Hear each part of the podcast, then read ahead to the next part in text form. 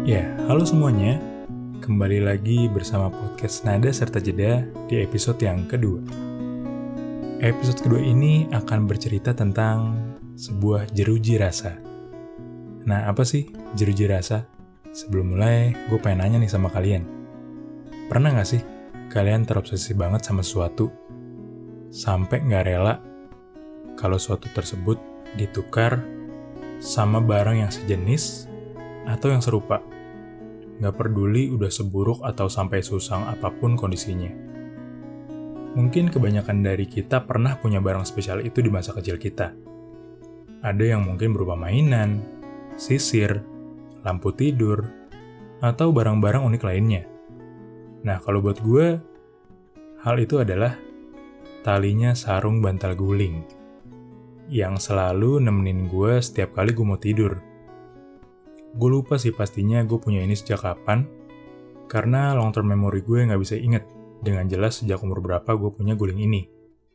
Tapi intinya, gue masih inget, itu gue kelas 2 atau 3 SD kayaknya, di mana gue lagi sayang-sayangnya sama tuh sarung bantal.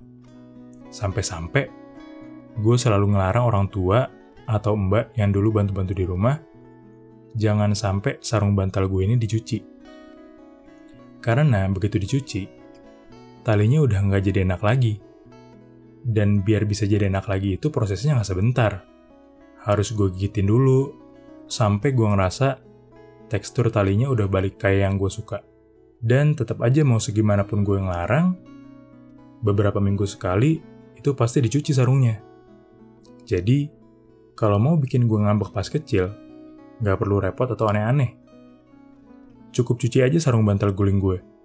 Pasti gue ngambek. nah, tiba suatu hari, gue pulang sekolah nih ceritanya. Habis makan siang, ganti-ganti baju, udah siap banget nih buat tidur siang. Eh kok bantal guling gue nggak ada ya di kamar? Gue langsung nanya tuh ke nyokap. Mah, bantal guling kakak di mana ya? Nyokap gue langsung jawab, wah nggak tahu kak. Kan biasanya di kamar kamu kan? Nggak ada mah, gue dari situ udah mulai ngerasa nggak enak nih. Tapi ya udah, akhirnya gue mutusin untuk nanya ke oma gue. For your info aja nih, oma gue itu sesayang itu sama gue. Sayang banget lah pokoknya. Jadi gue mikirnya, pasti oma gue tahu nih, guling gue di mana. Dia bakal ngasih tahu. Eh tapi setelah gue tanya, ternyata kompak jawabannya. Oma gue juga bilang, nggak tahu, guling gue ada di mana. Nah, sampai akhirnya gue nggak bisa akal. Jadi, kalau di rumah gue itu, buat ngejemur-jemuran itu di loteng atas. Dan gue sama adek gue selalu dilarang. Nggak pernah boleh naik sendirian. Karena loteng gue itu jarak antara anak tangga yang satu ke anak tangga yang lain itu cukup tinggi gapnya. Jadi gue nggak pernah boleh naik ke atas sendiri. Kecuali ditemenin sama bokap atau nyokap gue. Nah, emang dasarnya si Felix kecil ini curiosity-nya udah tinggi sejak dini. Gue penasaran aja nekat pengen ngecek kejemuran. Dan itu kondisinya nyokap gue lagi beresin baju kayaknya bareng mbak. Oma gue di teras depan, bokap lagi kerja. Aduh gue masih kecil. Jadi gue pikir ya udahlah, nekat aja nih. Gak ada yang lihat ini. Gue naik tuh pelan-pelan. Dan belum sampai tangga paling atas, ya kira-kira udah tinggal 3-4 anak tangga lagi, gue diem. Gue ngeliat bantal guling gue dicuci nggak cuma sarungnya, sama bantal-bantalnya, bos. Lu kebayang nggak jadi si Felix kecil rasanya gimana? Mungkin, pemikiran gue nih, nyokap atau mbak gue mikir, kalau dicuci cuma sarungnya, ya seperti biasa. Pasti gue ngeh, terus ngambek-ngambek kayak biasanya. Jadi mungkin mereka improve nih.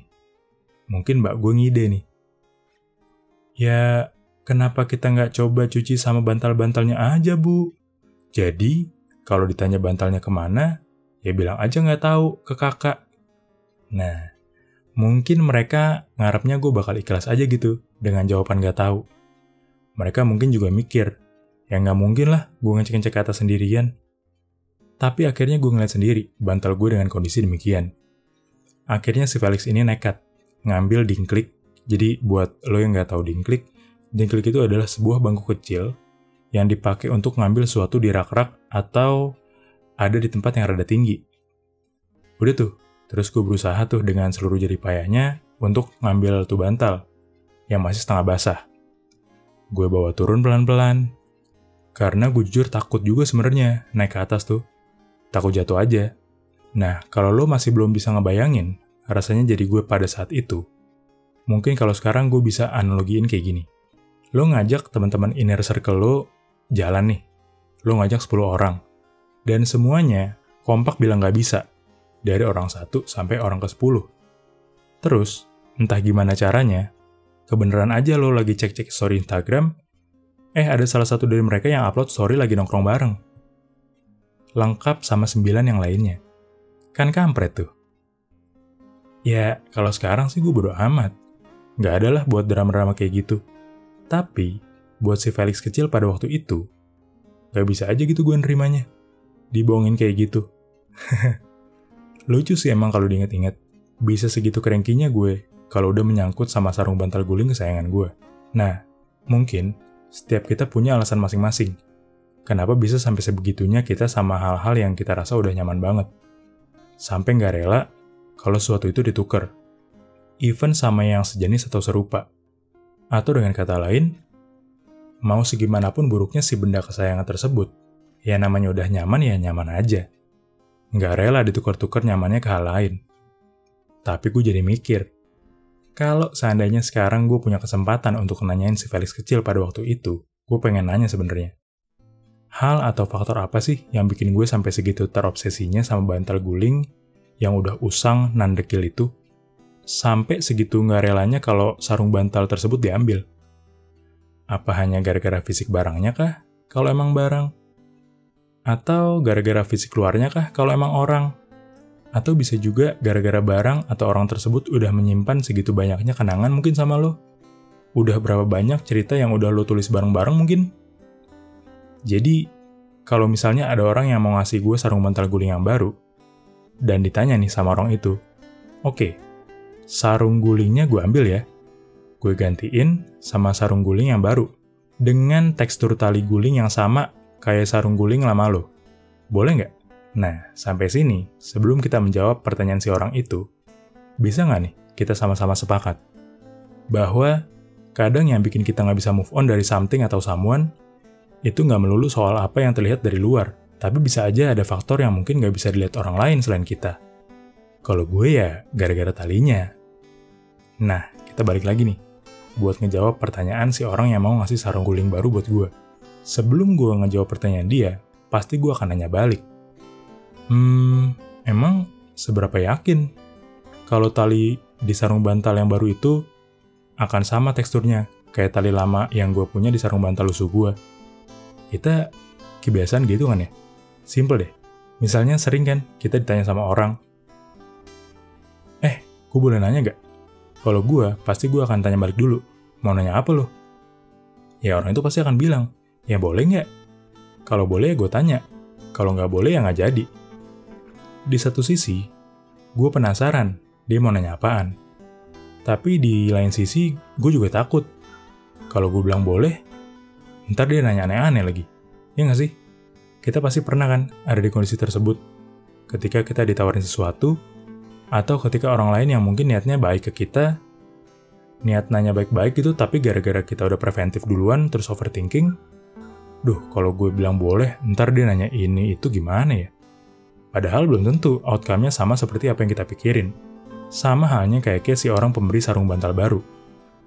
Ketika gue udah terlalu banyak pertimbangan, atau ketika gue udah terlalu nutup diri sama hal baru yang sebenarnya ditawarkan ke gue, gue takut aja hal baru itu nggak bisa ngasih gue rasa nyaman seperti yang biasa gue dapetin dari hal yang udah lama ada bareng gue. Tapi, kalaupun akhirnya gue jawab, gue akan jawab boleh pasti.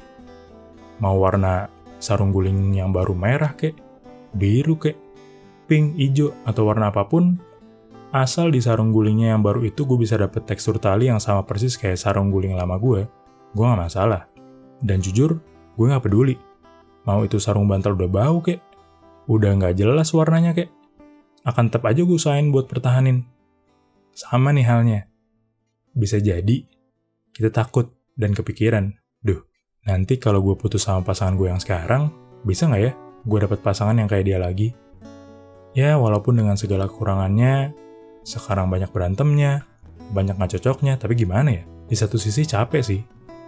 Tapi nggak mau aja gitu dapet orang lain selain dia. Pokoknya maunya sama dia. Titik, nggak ada koma. Nah, kalau gue boleh rewind lagi ke episode 1, ya itu lagi ujung-ujungnya. Ada emang hal-hal yang nggak bisa kita paksakan. Dan sampai kapan pun, kita nggak akan pernah bisa terima hal yang baru kalau kita belum bisa berdamai sama masa lalu. Dan ketika tiba saatnya kita sadar bahwa hal ini udah nggak bisa lagi dipertahanin, dan pada akhirnya kita milih buat ngiklasin semuanya, percaya deh, bahwa akan mulai banyak hal-hal baru yang mungkin bentuk dan rupanya nggak sama. Dengan hal lama yang dulu selalu kita agung-agungkan pada masanya. Tapi, pas pelan-pelan kita mulai bisa nerima hal baru tersebut, kita mungkin baru bisa sadar bahwa sebuah hal yang baru ternyata tidak semenakutkan itu kok dan nggak menutup kemungkinan sesuatu yang baru tersebut bisa aja memberikan kita hal yang mungkin sama dengan yang dulu selalu diberikan sama hal yang lama, tapi mungkin dengan bentuk atau penyajian yang berbeda.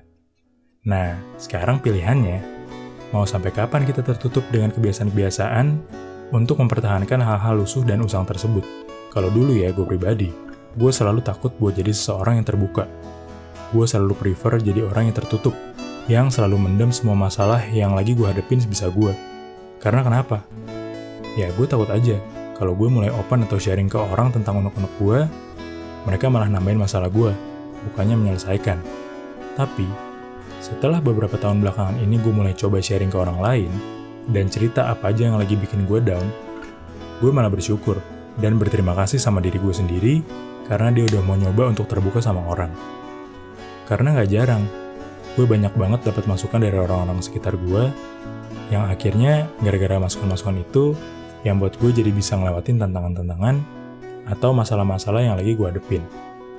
Jadi, dari situ gue mulai bisa ikhlas untuk nyoba merelakan hal-hal yang lama. Gak peduli seberapa nyaman dan terbiasanya gue sama hal tersebut. Dan selalu coba bersiap sama hal-hal baru yang mungkin gue temuin ke depannya. Karena ya bisa aja kan, suatu kesempatan gak akan datang untuk kedua kalinya. Ya nggak sih? Jadi, konklusi dari episode 2 ini, buat semua pribadi di luar sana yang sudah bisa berdamai sama masa lalunya, hmm, bersiap-siap aja untuk bertemu sama hal-hal yang baru. Tapi, buat semua pribadi lainnya yang masih berada di belakang jeruji rasa dan masih setia dan masih terus mempertahankan hal-hal yang sudah usang, ya berdoa aja bahwa pilihan kalian untuk bertahan adalah pilihan terbaik pada akhirnya. Dan ya kalau udah gitu, cuma waktu aja yang bisa ngejawab semuanya. Karena gue pun tahu kok, gak sedikit juga yang rela mati-matian bertahan, dan pada akhirnya mereka beneran sukses pada pilihan awalnya. Ya, untuk kalian yang sekarang lagi nyoba bertahan sama suatu hal, jangan lupa ya, terus ingetin diri kalian, kenapa kalian bertahan sampai sejauh ini. Apa gue udah siap sama dampak terburuknya? Kalau udah siap sama dampaknya dan bisa legowo serta ikhlas sama apa pun hasilnya, ya ya udah, go ahead aja. Tapi kalau mereka yang sampai sekarang masih ragu-ragu dan masih sering nanya, kenapa bisa bertahan? Alasannya juga kadang di gray area, hitam enggak, putih enggak. Nah, lebih baik tanya lagi ke diri kalian masing-masing. Kalau seandainya hasil akhirnya nggak seperti yang kalian harapin, gue masih bisa waras nggak ya nerimanya? Jawabannya ya ada di diri kalian masing-masing. Jadi, gue cuma mau bilang, terima kasih banyak buat semuanya yang udah mau mendengarkan podcast sederhana ini. Buat semua masukan sama sarannya dari intro sama episode 1. Udah gue tampung kok semuanya. Mulai dari saran isi konten, maupun saran teknis, kayak durasi, kualitas suara podcastnya, dan lain-lain pokoknya makasih banget deh. Dan semoga kita semua tetap diberikan kesabaran untuk yang masih berjuang bertahan. Dan semoga apa yang kita semua perjuangkan berbuah manis pada akhirnya. Sekian podcast Nada serta Jeda episode 2 ini. Untuk saran dan masukannya boleh banget loh. Gue butuh banget nih saran sama masukan. Sama kalau buat kalian yang mau share cerita boleh banget. Bisa via email ke podcast nada serta jeda at gmail.com tanpa spasi semuanya, atau bisa DM ke Instagram at nada. Ditunggu ya. Terima kasih ya semuanya. Bye-bye.